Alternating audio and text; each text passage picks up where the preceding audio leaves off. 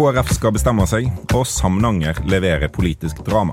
Velkommen til Noe om gå, en podkast fra Bergens Tidende. Med meg i studio har jeg Gerd Kjellflot. Hallo, og her er Jens Kiel også. Hallo i Løkkeluken, Luken, og altså eh, mannen som eh, valgte å introdusere podkasten med 'Samnanger leverer politisk drama'. Morten Miksvold, god torsdag til deg òg. Hallo.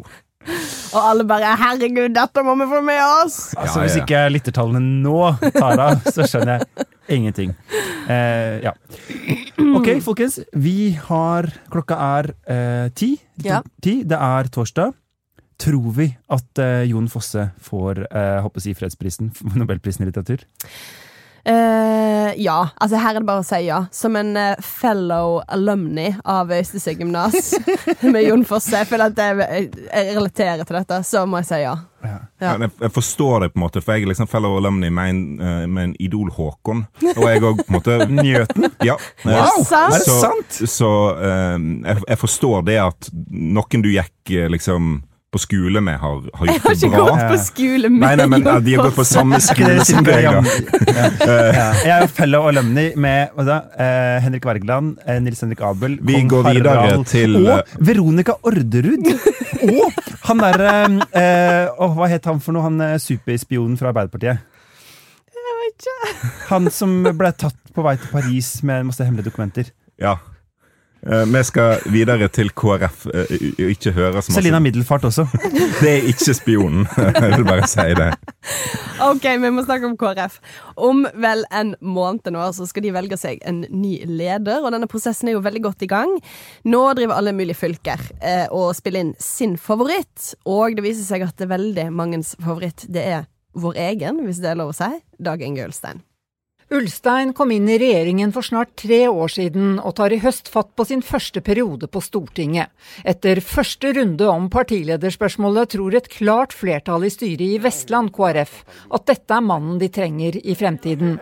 Vi mener at han kanskje har eh, en evne til å engasjere, nå bredt ut nye velgergrupper.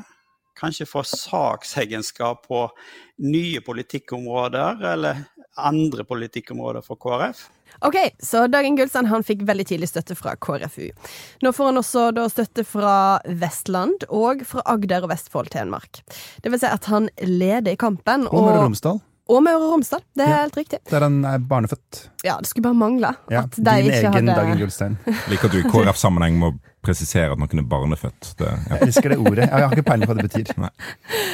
Um, så spørsmålet nå er jo om han vil. Eh, og hvis han vil, så er det jo en viss sjanse her for at partiet stiller seg bak han. For det, det som blir sagt for partiet, er veldig sånn tydelig. Vi skal ikke ha noe kampvotering nå. Der verken kan eller vil de eh, gjøre. Men lister ikke du nettopp opp alle fylkeslagene der KrF har velgere? Nei, Rogaland. Rogaland støtter jo Bollestad. Ja, ja, men de, alle fylkeslagene der KrF har velgere, har bestemt seg eh, for en kandidat. Foreløpig, i hvert fall. Ja. Ja. For det er jo første innspillsrunde. KrF har et veldig omstendelig system. Men jeg skjønner jo litt at de på en måte kjører noen runder for å kunne sikre at de kommer til landsmøtet med én kandidat, og så kan de bare klappe Ja. får vi si han da antageligvis inn. Fordi akkurat da Sant, altså nå De må de, de, Dette må bli en forsonende affære, da, og da er det én kandidat de skal stå igjen med. Ja, for Det som skjedde da når KrFU eh, peker på Ulstein, var at ja, Rogaland peker på Vollestad, og da trodde jeg at det kom til å bli sånn at begge kandidatene lanserte seg sjøl, og at det ble liksom valgkamp rundt om. Eh, men det har jo egentlig ikke skjedd. Nei. Nei, fordi jeg tenker da at spørsmålet eh, er eh, ikke om Ulstein vil, men hva Ulstein vil. Fordi et parti som er i akutt velgerkrise, og har mista lederen i en eh, ganske pinlig skandale, eh, er i ferd med å kanskje velge en leder som ennå ikke har sagt noe om hva vil han med KrF. Mm. Eh, og han har jo vært veldig kort i rikspolitikken. Altså han skal, hvis han blir partileder, så skal han liksom lære seg eh, voteringssystemet og nøkkelkortet på Stortinget, samtidig som han på en måte overtar eh, det vrakgodset som KrF akkurat nå er. Eh, Ja. Nøkkelkortene på Stortinget er ikke så vanskelig, men han skal lære seg å manøvrere i gangene. Ja, og altså finne ut på en måte hvor er den der fantastiske stortingsgarasjen som eh, de bygde, Olemic bygde. Jeg tror faktisk at grunnen til at den ikke høres masse fra alle stortingsrepresentantene, i hvert fall ikke det første halvåret, er fordi de liksom har gått seg vill Ja.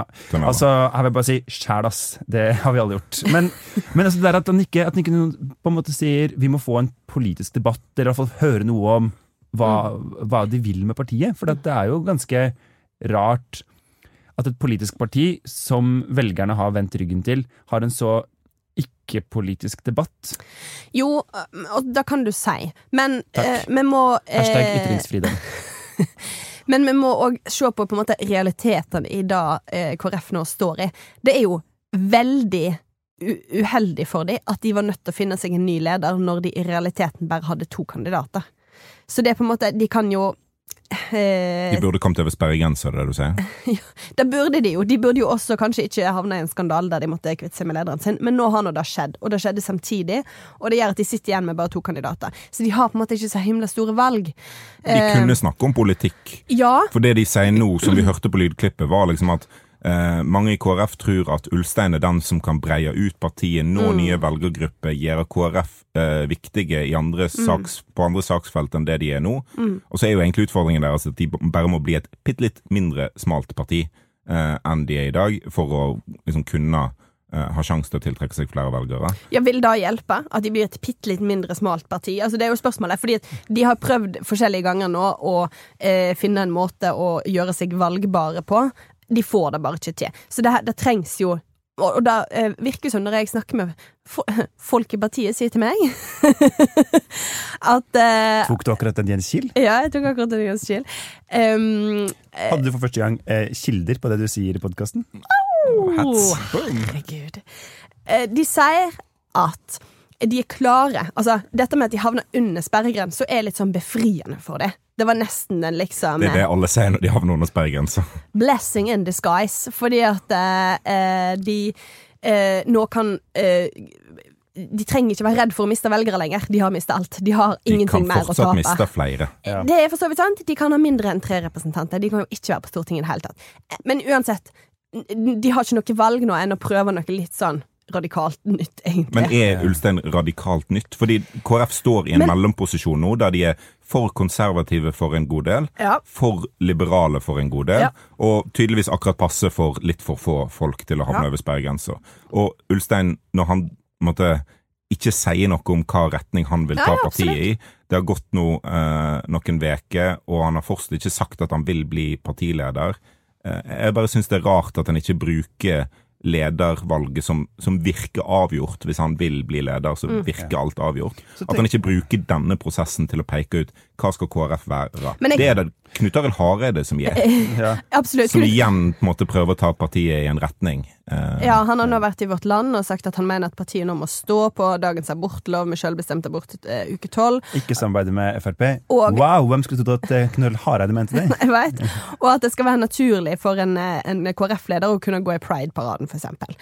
Um, men selvfølgelig, eh, Knut Arild Hareide har jo gått i Pride-paraden. Han fikk ikke velgere da heller, på en måte. Nei. Um, nei, nei, og det er jo litt sånn du kan si uh?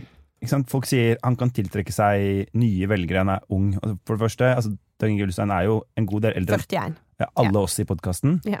Eh, og jeg tror ingen av oss ser på oss som sånn spesielt unge lenger. Ja, men altså I, I wish at vi hadde Det er ingen av oss som unge, hadde ung appell. det er ingen av oss som hadde tiltrukket unge velgere til KrF, i hvert fall hvis vi vært partileder. Nei, altså, Morten sitter her i den grå pulloveren sin. der borte, ja. Det er eh, Du treffer jo rett i kjernemålgruppa til KrF, da. Men igjen, jeg må bare si, jeg må bare eh, understreke og spille inn at strikkevesten er det nye it-plagget. Det har jeg nevnt før. Og For det er Diana sitt plagg, er det det? Det kan ikke være det nye it-plagget i så hvordan- mange måneder, kan det det? Og hvordan gikk det med Diana? Hun døde. Too soon, Jens. Eh, jeg føler at vi, vi, vi, vi, vandrer litt rundt ja, her. men jeg tenker at eh, det jeg skulle ønske meg Hvis jeg skulle fått ønske meg en ting fra eh, KrF, da, så er det at de får opp en litt mer normal politisk debatt. Eh, I dag, torsdag, så var Per Sverre Kvinlaug, som er fylkesleder på Agder, var i eh, Politisk kvarter. Og fordi de er så redde for å si noen ting feil, det, så bruker de ordet 'fantastisk' mye mer enn alle andre partier til sammen. Altså, Det er ikke bare at de er et fantastisk partiprogram, men også at Olaug Bollestad er en fantastisk eh, fungerende partileder. Og det er litt sånn, hva da, Hun har sittet i to uker og på en måte administrert litt sånn. Vi må sende ut landsmøteinnkalling, og så må vi huske Men hun har gjort det på en fantastisk måte. Ja, det er helt utrolig. Men det er sånn at de klarer for det, Ikke engang det kan de si sånn Ja, hun sitter nå. Det er en, et faktum, men det er ikke mer eller mindre enn det, liksom. Ja. Nei, absolutt. Eh, og, og det sier jo noe om at de er litt At de er redde, da. Mm. Redde for å tråkke folk på tærne innad i eget parti, redde for å si noe feil utad. Eh, og jeg tenker at KrF er et parti som veldig lenge har blitt definert av alle andre, på en måte. Uh, uh, uh, mange vil si at ja, KrF er et sånn mørkemannparti, mens Men det er jo fordi KrF ikke definerer seg sjøl. Nettopp! Nettopp! Og da er det store problemet. De er enten for mørkemann, eller så er de for liberale, eller så er de Jeg vet ikke. Så eh, KrF må liksom ta grep om sin egen historie. De må ta tilbake makta og, og definere seg sjøl og sin egen politikk. Og selvfølgelig, et av spørsmålene da blir jo hva mener de egentlig med dette abortstandpunktet eh, Ja, og andre sånne verdisaker. Og andre ting. Og der er jo sikkert Hareide inne på noe med å bare si hvis, hvis partiet bare er tydelig på at en står på dagens abortlov, selvbestemt eh, abort til uke tolv, Det i hvert fall et nemnd etterpå, Ja. så gir det sikkert noen folk som eh, kan tenke seg å stemme KrF pga. velferd, litt ro. Mm. Eh, fordi eh, ja, da ligger ikke abortloven der og lurer. Ja, i hvert fall det, det folk sier. Folk, er- folk er veldig klar for et, et tydelig standpunkt. Hva det skal være, det gjenstår det- på en måte å se. Men jeg tror òg at denne debatten kommer. Så dere etterlyser på en måte en debatt som virker som partiet har tenkt å ta. Men eh, mange peker på at de må ha en leder som staker ut den kursen for dem. Men for å gjøre det, for å på en måte være tydeligere og få ta tilbake sin egen historie og alt, alt det der, så krever det jo at KrF blir lik, liksom, blir like kontroversielle som de egentlig i utgangspunktet er, som et, et eh, konservativt eh, parti. Eh, Så er de kontroversielle på bl.a. abortspørsmålet, men de er òg, i hvert fall inntrykket mitt, veldig sånn konfliktsky. Og, og, og det virker alltid som om de ikke helt sier det de mener om saker, fordi de er redd for å, å på en måte vise eh, for folk å havne i konflikt og bli kjefta på. Det er kanskje bra for et parti å bli kjefta på. Ja, ja. Altså, og så Og, og de har en jobb med å representere de velgerne i Norge som er konservative. Ja. Det er ikke sånn at, eh, at de velgerne skal bli marginalisert heller, Nei. bare fordi mange andre mener noe annet. Men de må jo klare å finne saker som de kan skape konflikt på, som er litt breiere enn de som de har valgt. Altså at, ikke sant? Hvis SV sier eh, vi vil stoppe å leite etter olje, så blir masse folk i Norge helt gærne på SV. Men det er hva da, en tredjedel av velgerne er enig med SV i det kravet. Altså når eh, Frp sier vi skal ha en mye strammere innvandringspolitikk, så liksom det eh, går de rett i, rett i ja. fletta på venstrefolk og MDG-ere og Ap-folk og alt mulig. Ja. Men det er mange som er enig med Frp i det. Mm. Men når eh, eh, KrF-erne sier vi skal ha en mye mer restriktiv abortlov Mm. enn dagens, så er det hva da? 3-4-5-6-7 av Norges befolkning som mener det. Og liksom over 90% er uenig med dem. Sånn at Mm. det fins liksom ikke et sånn eh, et stort bakland å hente i de sakene, da. Nei, og det, Dette er jo tilbake igjen til da Carl I. Hagen hadde politisk teft. For han var veldig tydelig på at Frp trenger ikke være på lag med flertallet i befolkningen. Selv om en ofte liksom retorisk sett later som om en er det. Men hvis, en, hvis 20% av innbyggerne 30% av innbyggerne er enig med Frp i enkeltsaker, så, så er det nok til å bli et ganske stort parti. Og for at KrF skal havne over sperregrensa, hvis de klarer å få med seg 5-6-7 kanskje 10% i noen saker, mm. så kan det vippe de over eh, sperregrensa. De Ja. trenger liksom ikke være populære for å bli Nei, og valgt det, inn. og det er en veldig viktig fallgruve for KrF. De kan jo ikke ende opp med å være et parti som s- som på en måte ikke tråkker noen på tærne og bare vil godt. For da prøvde jo sentrum, uh, og det gikk jo ikke spesielt bra. De fikk velgere, da. Eh, 0,7 Opptil flere. eller noe sånt. Uh, ja. og, og, men KrF og, har òg prøvd sånn før å ha en populær partileder som er godt likt. Skaffer heller ingen stemmer. Så de er på en måte nødt til å Det er jo en kombinasjon her, da. De er nødt til å ha en, en partileder som er god, og så er de nødt til å ha en politikk som ikke skremmer folk vekk, men som samtidig eh, har et eller annet unikt som som, som gjør at folk faktisk vil stemme på deg, da. Ja. Og det med at KrF har hatt populære partiledere, og det har ikke blitt omsatt i stemme, er jo, er jo egentlig bra for norsk politikk. For det viser at det er ikke eh, liksom det enorme personfokuset mm. som avgjør om eh, hvem som vinner valget. Det var ikke at Støre plutselig personlig ble ekstremt populær. Eh, han løfta seg i lag med partiet sitt. Eh, og, og det er ikke sånn at bare eh, et parti velger en populær eh, kandidat, så eh, endrer det alt. Altså Det kan selvfølgelig påvirke noe, eh, men, men, Nei, nei, men altså, det er etter ikke at revolusjon. eh, Senterpartiet fikk Jan Bøhler og en valgkamp i Oslo til to millioner kroner, så kom han fremdeles ikke inn. Men ok, men Dag Inge en av de viktige grunnene til at folk vil ha han, er at de håper at han kan fornye partiet. De mener han kan det. Og jeg, jeg vil jo påstå at han har gjort det i Bergen. Han forandra Bergen KrF. Eh, til, og ga dem en mer moderne profil. Ja, og halverte de i oppslutning. Ja. Så Eh, det var jo ikke så lurt, da. Det gikk fra 6% i 2015 til 3,1 i 2019. men tror du det er pga. Uh, profilen, eller tror du det er pga. at de satt i et byråd som var veldig upopulære? Uh, jeg tror at, Fordi at de andre partiene i byråd også ble uh, veldig eh, jeg tror, det, jeg tror det ikke er sånn at det er et enten-eller. Eh, Men jeg tror at, eh, at han ga dem en mindre eh, relevant profil for de kristenkonservative velgerne som det finnes tross alt en god del av i Bergen. mm, mm. Så vi får se. Eh, altså, det er i hvert fall, i hvert fall helt Vi kan love at det blir mer KrF i denne podkasten eh, denne høsten. Det er en drøy måned til eh, landsmøtet, Ja. så dette Du skal dit. Eh, ja, der regner jeg med. Ja. Mhm, Det blir kjekt. gleder meg. Veldig bra. Vi skal videre til Samnanger, en liten kommune mellom eh, Bergen og Kvam. Eh, for der skjer det ting eh, som er veldig spennende. Jeg lurer på om folk som ikke kommer fra Vestlandet eller bor her eller kjenner noe særlig til det, sier å ja, mell, altså en lille kommunen mellom Bergen og enorme Kvam, hva ja. ja ja. Men det er en veldig liten kommune. Det er jo egentlig nært Bergen. Søk det opp på Kvasir, altså, hvis du ikke vet hvor det er. Ordfører Knut Harald Frøland fra Bygdelista eh, han eh, har nemlig eh, søkt jobben som rådmann. Eh, og det må jo sies å være litt unikt. Ja. Altså, som eh, en av podkastens tre kommuneeksperter, Ja. eh, så vil jeg si ja, det er ganske uvanlig at eh, noen går fra å være øverste eh, politiske leder til å ville bli øverste administrative leder. Det er jo egentlig to veldig ulike Kall det siloer eller sånn i en, i en kommune. Det er også veldig uvanlig å gå motsatt vei. Ja. Ja. Men det er veldig mye næringssjefer, mann 45, som blir ordførere. Jeg vil jo mene at det er uvanlig for ordførere å i det hele tatt søke på jobber.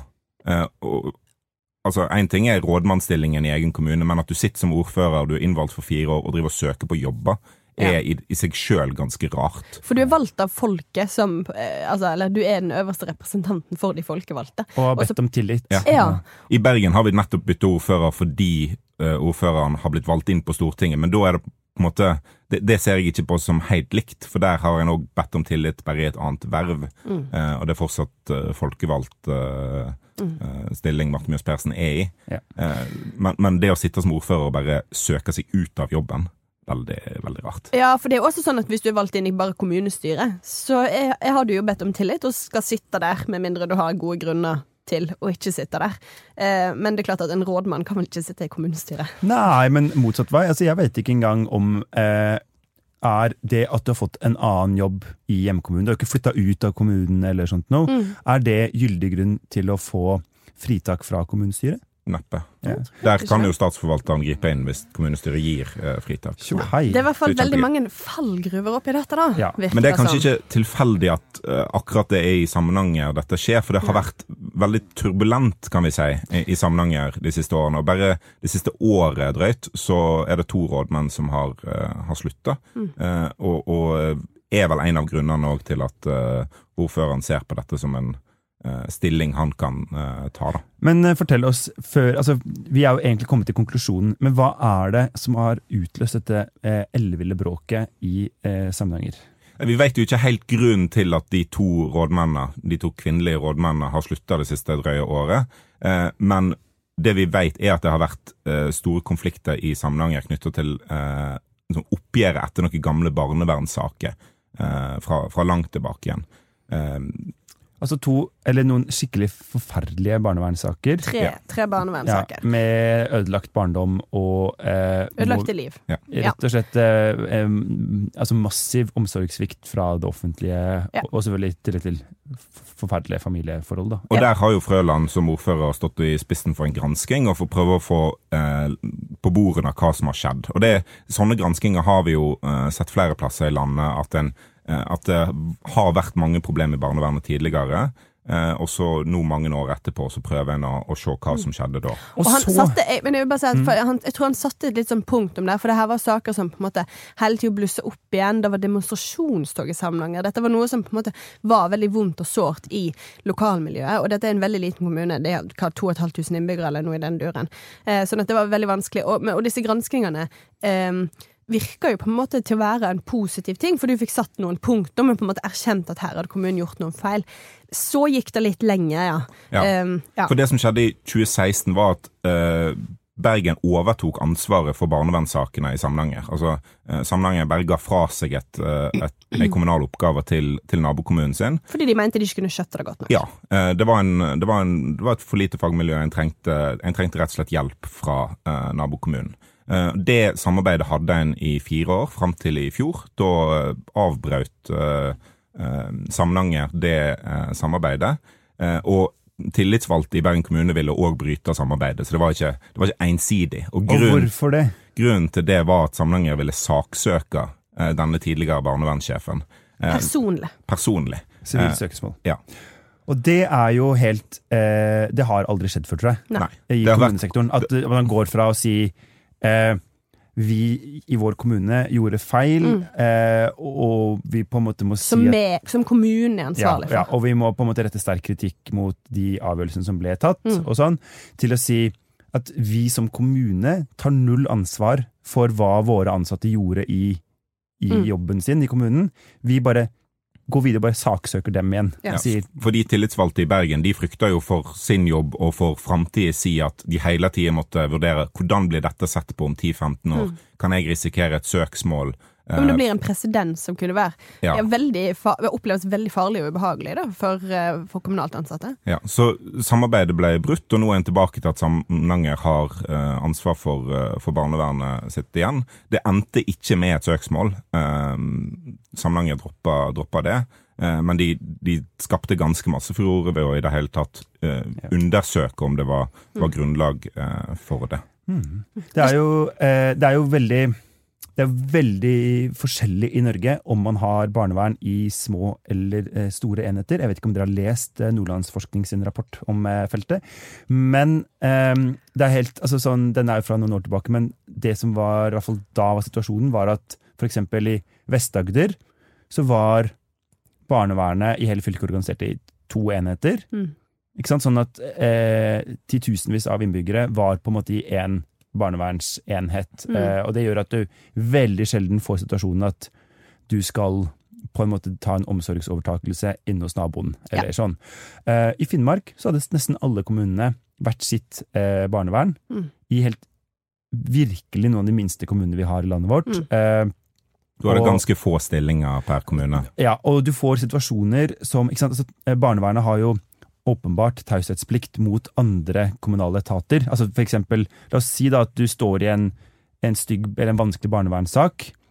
Eh, så skal ikke samtidig noen på Nav vite det, sånn at du kan si ja, men du virker jo ikke skikka til ditt eller datt, og Mm. vi kan ikke Men det må Sant. være ganske lett å skille barnevernet og Nav. Eh, men hvis man for å få hele faste stillinger i kommunen sier du har en halv stilling i Nav og en halv stilling i barnevernet, så er du liksom nede på at da må du ha taushetsplikt mot deg selv. Ja. Ja. Ja.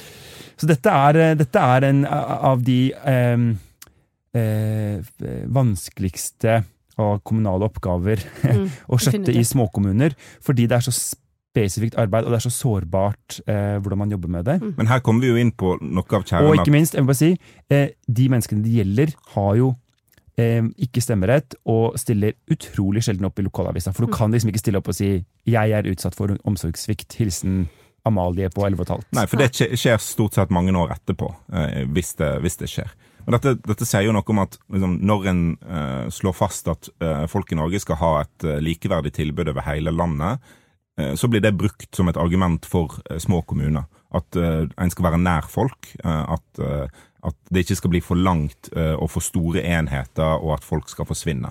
Men her ser vi jo egentlig at små kommuner sliter med å ha et godt nok tilbud Eh, barnevernet er et eksempel, og det er ikke bare Samnanger som, som har små enheter. Da. Og en ser det på andre felt òg, at en har utstrakt bruk av interkommunalt samarbeid på, på mange saksfelt. Mm. Eh, og det er jo egentlig et argument for kommunesammenslåing, dette, ikke det? Det, Jeg tror da, på, på mange måter, ja. I hvert fall generelt. At, ja. at at det er vanskelig å se for seg hvordan eh, kommuner skal løse alle disse oppgavene hvis de Mm. er veldig, veldig få eh, personer. Jeg mener at det ikke er et argument for eh, kommunesammenslåing. Eh, jeg mener at hvis man skiller mellom på en måte kjerneoppgavene i en kommune, altså de innbyggernære kommuneoppgavene som type skole, eldreomsorg, barnehage, eh, som veldig mange har et sterkt ønske om at skal være politisk styrt, at det skal være et spørsmål i kommunestyret om ja, skolestruktur, eller hvor skal barnehagene ligge, og hva skal vi prioritere økonomisk og sånn. Mens eksempel det at masse av omlandskommunene til Bergen har BIR som avfalls- eller renovasjonsselskap. Det er, liksom, det er helt samme for de fleste hvem som henter søpla di. Unnskyld, Bosse! Uh, og, og det er litt sånn som her at uh, ja, det kan være gode grunner for å slå sammen eh, barnevernet i større enheter. Det man ser mange plasser i Norge, er jo at hvis du slår sammen eh, fire kommunale barnevernsetater, så er det hun flinkeste dama i en av de, blir sjef for alt sammen, og dermed tar man henne ut av operativ tjeneste, og hun bruker stort sett tida si på å kjøre fra A til B til C til D og tilbake igjen, for å på en måte lede de andre. Så problemet er egentlig ofte ikke størrelsen på kommunen, problemet er ikke bare avstandene i, på, på bygda, da. Mm. Ok. Em, men hvis vi skal gå litt tilbake til liksom, den siste utviklingen her. Altså, det, det er jo litt merkelig, egentlig, sak i Samnanger, fordi um, uh, han her ordføreren, Frøland, sin vei inn i politikken handler om egentlig at han var imot kommunesammenslåing. Ja. Uh, så har han da tatt oppgjør med en veldig vanskelig lokal sak. Uh, og så har han, der han på en måte også erkjent at eh, den tjenesten som den lille kommunen hadde ytt, var for dårlig, eh, og ble en del av Bergen kommune. Så har han da tatt den tilbake igjen til den lille kommunen, og eh, nå ønsker han eh, ikke bare å være ordfører, men ønsker også å være Eller og da bli rådmann i sin tur. Ja. Vi kan jo bare legge til også i denne eh, lista her at Ja. eh, i forrige måned så blei det kjent at eh, Samnanger, siden jeg var uten rådmann, hadde rett og slett leid inn en konsulent fra jeg lurer på det heter Agenda Kaupang, som er et konsulentselskap, konsulentselskap, som rådmann. En konsulent som rådmann. Ja, eh, og da kom statsforvalteren i Vestland inn og sa at det står faktisk i kommuneloven at eh, øverste administrativt eh, sjef i en kommune må være ansatt i kommunen. Du kan ikke leie inn eksterne konsulenter. Altså, du, kan, du kan heller ikke leie inn en ekstern konsulent til å være ordfører, f.eks. Selv om det av og til sikkert kunne vært lurt. ja. Ja. Så Det det er er veldig spesielt da, at det bare er det sånn Vi, vi trenger en vi trenger en rådmannvikar. Kan, eh, kan Kaupang levere? ja. Er det noe First House der ute som kan ta, ta en rådmannsjobb, liksom? Men, det er jo, men, men alt dette føles jo litt som en sånn ehm, eh, han, han har fått veldig masse skryt for å være veldig handlekraftig, han her ordføreren. Eh, men han har også blitt sammenligna av politiske eh, Hva heter det? Eh, andre politikere. Motstandere? Nei, ja, motstandere og medstandere, skulle jeg til å si. Eh, som Donald Trump. Eh, men han virker jo som en litt sånn handlekraftig type. Og dette er jo ikke unikt for Samnanger, at det kommer ordførere som er ganske ivrige, har lyst til å få til masse. Eh, og har lyst til å ha kontroll. Og ofte så blir det konflikter med, mellom rådmann og ordfører i akkurat de sakene der. Det er, det er veldig vanlig at en sitter og skjeller ut rådmannen i kommunestyremøtet. Altså. Det, det er fryktelig. Det er mange lokalpolitikere. Eh, ja, men det er veldig mange kommuner som har høyt eh, forbruk. Turn on. Nei, turn off. Turn over, heter det. Eh, vi kan snakke om dine preferanser en annen kveld, eh, Gerd. Om du er turn on eller turn off av eh, rådmenn. Hvem, hvem liker ikke en god rådmannsstrid? Nei, det mm. okay, TV Norge eh, etter midnatt. Da er det rådmannsdebatt eh, med Gerd Margrethe Kjellflot. Skru på svensk tekst. Hun er på en måte eh, Samnangers Triana Iglesias. Men nei, eh, altså det er Det er jo helt vanlig, dessverre, at kommunestyret sier eh, vi vedtar å pusse opp eh, alle skolene og sykehjemmet og bygge ny gang- og sykkelvei Mm. og ballbinge.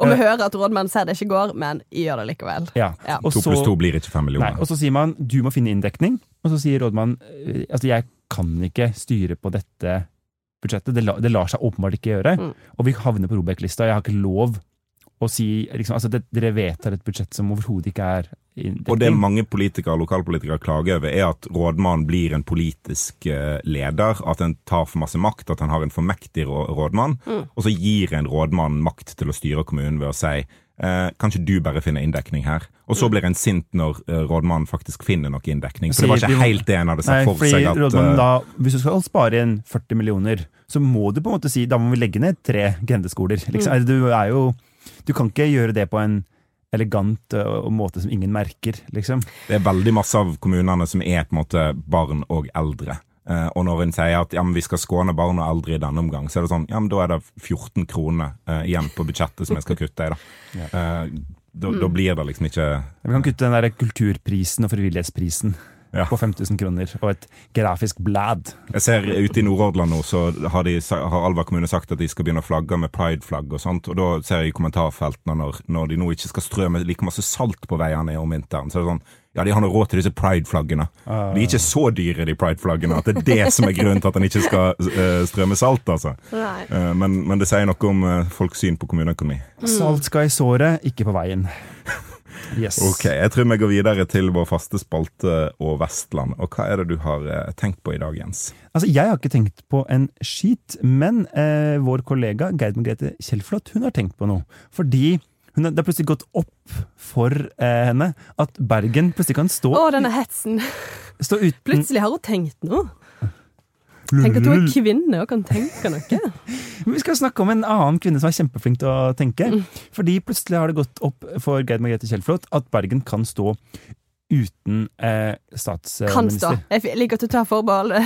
Jo, men hvis det på en måte kompromisset nå blir sånn Nei, eh, Støre og Vedum blir ikke enige, men de sier Kjersti Toppe, kan du ta statsministerjobben? Ja, ja, ja, kan, Vi må altså, holde muligheten åpen. Ja, for vi har ikke sett kabalen ennå. Her må vi Ja. Nei, i hvert fall. Eh, og du mener rett og slett at det kler Bergen dårlig å ikke ha statsministeren. Hva Ja. legger du dette? Ehm, jeg kjente veldig på dette eh, helt i slutten av, eh, av valgkampen. For jeg var, eh, Erna Solberg var her i Bergen. Eh, gikk gjennom byen med et eh, følge av journalister fra hele landet. Og så gikk hun der og belærte de om eh, ting på torget. Og bare 'Denne spikeren har jeg hamret inn!' Og, sånn. og så gikk Som er garantert er kødd, men som hun bare kan si fordi hun, Det er jo det hun gjør. Hun bare kaster rundt seg med ting som ingen kan faktsjekke. Og så ehm, Du er bare fortsatt sur på at du bommer på antall tunneler til Voss i denne podkasten. Som er bevis på at det vi sier nå er sant. Ja. Og, og så tenkte jeg, akkurat i dag hun gikk der, så tenkte jeg ah, Søren, altså. Bergen kler å ha statsminister. Støre kunne jo aldri gjort dette. Han kunne ikke Altså Går rundt på Røa i Oslo med liksom Han har jo aldri vært i Bergen omtrent. Han var jo, viste seg jo nesten ikke her i valgkampen. Så, og så tenkte jeg litt på at det er noe med Det bare føles veldig naturlig. Og jeg veit at dette er litt rart, fordi at for åtte år siden hadde Bergen ikke hatt ord, eh, ordfører, nå skal du høre, statsminister siden 1935. Mens nå har vi hatt det i åtte år. Det føles som det har alltid vært sånn. Det er noe med sånn Yes, prime minister of Norway, she's from Bergen, of course. Det, det bare det, det, åh, Of course. Det gir seg bare sjøl. For en sinnssyk sjåvinist du er. Men altså, dette er jo da ikke som du er inne på, det er ikke første gangen Bergen har hatt eh, statsministeren. Nei. Eh, Christian Michelsen tok jo ansvar for å eh, frigjøre landet fra Sverige. Mm. Klassisk bergenser. Kombinert med å være skipsreder, leder av Bergen Rederforening, og bygge Solstrand. Ja. Men jeg tror han klarte å, jeg tror han klarte å ha taushetsplikt uh, med seg sjøl. Ja. Mellom liksom rederinteresser, statsinteresser og tidlig- spa-hotell i Os-interesser. De hadde en veldig klar avtale der på at de, de har forskjellige roller, og at han meldte seg inhabil i akkurat de sakene. Han var en tidlig Per Sandberg som var veldig tydelig på at det var ikke uh, fiskeriministeren som hadde reist til Iran. Det var ikke FrPs nestleder som hadde reist til Iran. Nei. Så, Og hvordan gikk det med Christian Michelsen? Han døde. Uh, Too soon. Og så i hvert fall Har vi hatt noen flere, for eksempel? Eh, altså den forrige vi har hatt, Ja. er jo Johan Ludvig Mowinckel. De heter jo litt sånn artige ting, disse Bergens eh, veldig bergensk Men også, ja. min favoritt Ja. likevel, det er jo apropos bra navn, Vollert Konov. Altfor få som kaller ungene sine Vollert for tida. Ja, du kan jo lage en. Det er litt fint, da. Altså, du har to med så utrolig erkenorske navn, og så bare Vollert er- Nei, det er kanskje ikke det erkenorsk. Nei. Konov. Volliken. Usikker. Ja. Og veldig rart med sånn noen som heter Kjeldflot, og så noen som bare heter Konov til etternavn. Hva mente Konov om eh, ja, lensmannsreform, kommunestruktur? Du, han var eh, Fana-Astril, Ja. og eh, representerte først eh, Venstre. Men liksom, på, dette er jo en tid hvor kulturdebatter sto enda høyere i kurs enn de kanskje gjør nå. Sånn at han havna jo i eh, strid med Christian Michelsen, blant annet på spørsmålet, som var et kjempespørsmål i Norge, skal Alexander Kielland få statslønn eller ikke? Og så eh, Dermed havna Konov i frisete Venstre og ble eh, statsminister 1910-1912 på Høyres eh, nåde. Og Høyre ville jo på en måte at eh, frisinnede Venstre skal gjøre sånn som Venstre pleier å gjøre, nemlig drive høyrepolitikk. Det ville jo ikke Konov. Så dråpen rant over dette lille eh, statsministerbegeret eh, 28.1.1912. For da holdt eh, Konov en tale i Bondeungdomslaget i eh, Oslo, hvor han sa at han støtta eh, målsaka. Ei, ei, ei. Jeg visste det måtte være noe sånt. Ja. Så du brukte Og da sa bare Høyre, vet du hva, vi kan faktisk ikke ha en statsminister i Norge som støtter nynorsk. Og så sa Konov ok, da går jeg av. Og det er jo litt fint, da. Men det beviser jo bare poenget mitt at Fana det er et uh, historisk nynorskområde og må konverteres tilbake igjen eh, så raskt som mulig. De har et historisk, historisk ansvar her. Så, men hva uh, Hva tenker du? Er du på en måte på samme stedet? At Bergen trenger å ha en statsminister, eller det liksom det føles tomt uten? Det er fint å ha statsministeren, og det er det vi på en måte holder oss med her i landet, men Bergen hadde jo egentlig trengt en president. Eh, Bergen er en republikk. Hadde det fortjent en ja. president. Um, så, så det er nok mer at vi skulle ha funnet på noe sjøl, heller enn å lene oss på disse parlamentariske vervene østpå, som jeg kjenner på sånn innerst inne.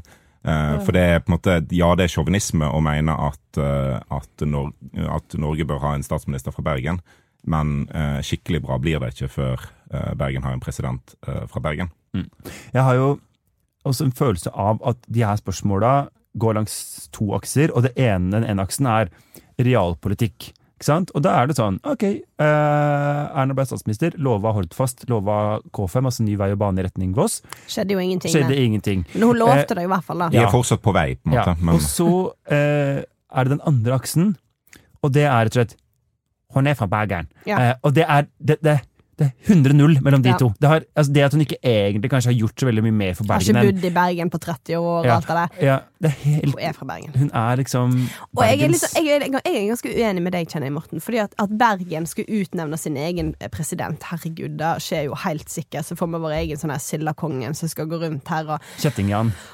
Ja, sant? Sant? Og, og opprette egen bergensk valuta og sånt. Sånne der bergenske dollar. nei, det blir jo skillingsboller. Åh, sant? Hvor mye koster den? 30 skillingsboller. Det går 100 åh. skillingsboller i en kronikken. Det som er Poenget her er at hele resten av Norge har eh, latt seg styre og gått med på å la seg styre av en bergenser, og det er det som er så godt. Det er det som er så godt. Ja. det er veldig hardt. Er veldig, du, du melder veldig hardt nå. Så, men men uh, no more. Okay. Dette er siste podkast, antar vi. I hvert fall sånn cirka. Der uh, Bergen har statsministeren. Ja. Så fred ved minnet, skulle jeg si. Mm. Ja. Kanskje ikke noensinne, da. Nei! Spørs hvor lenge den podkasten holder på. Ja, det får vi se. Ja. For hvem er det som i så fall kan bli neste? Er det eh, altså PC Frølich? Kunne han eh, Han har det jo litt i seg.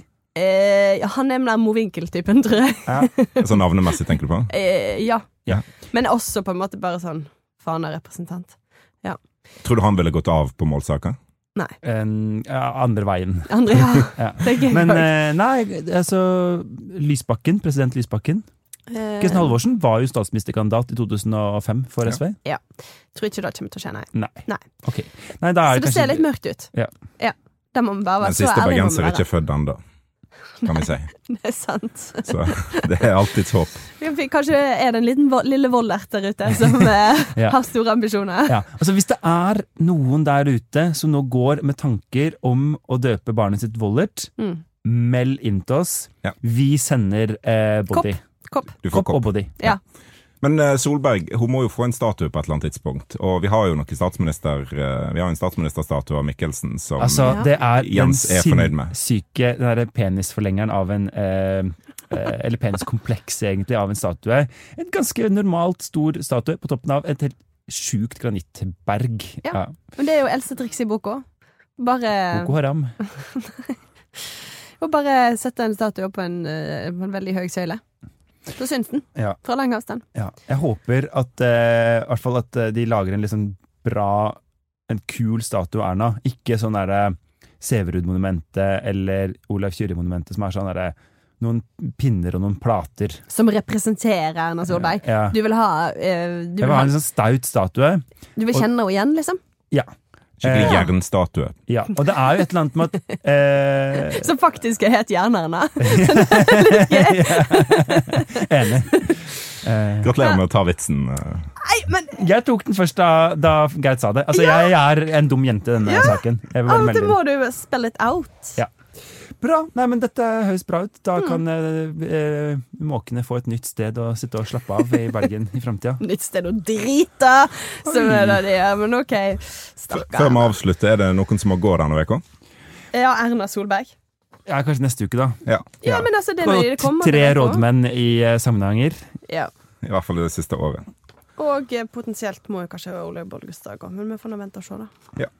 Andre gang hun har vært fungerende Hun gjør en fantastisk jobb som, Fantastisk! som eh, fungerende partileder. Kan- Kan hun klare å bli fungerende partileder for tredje gang? på et eller annet tidspunkt? Jeg er veldig spent. i hvert fall.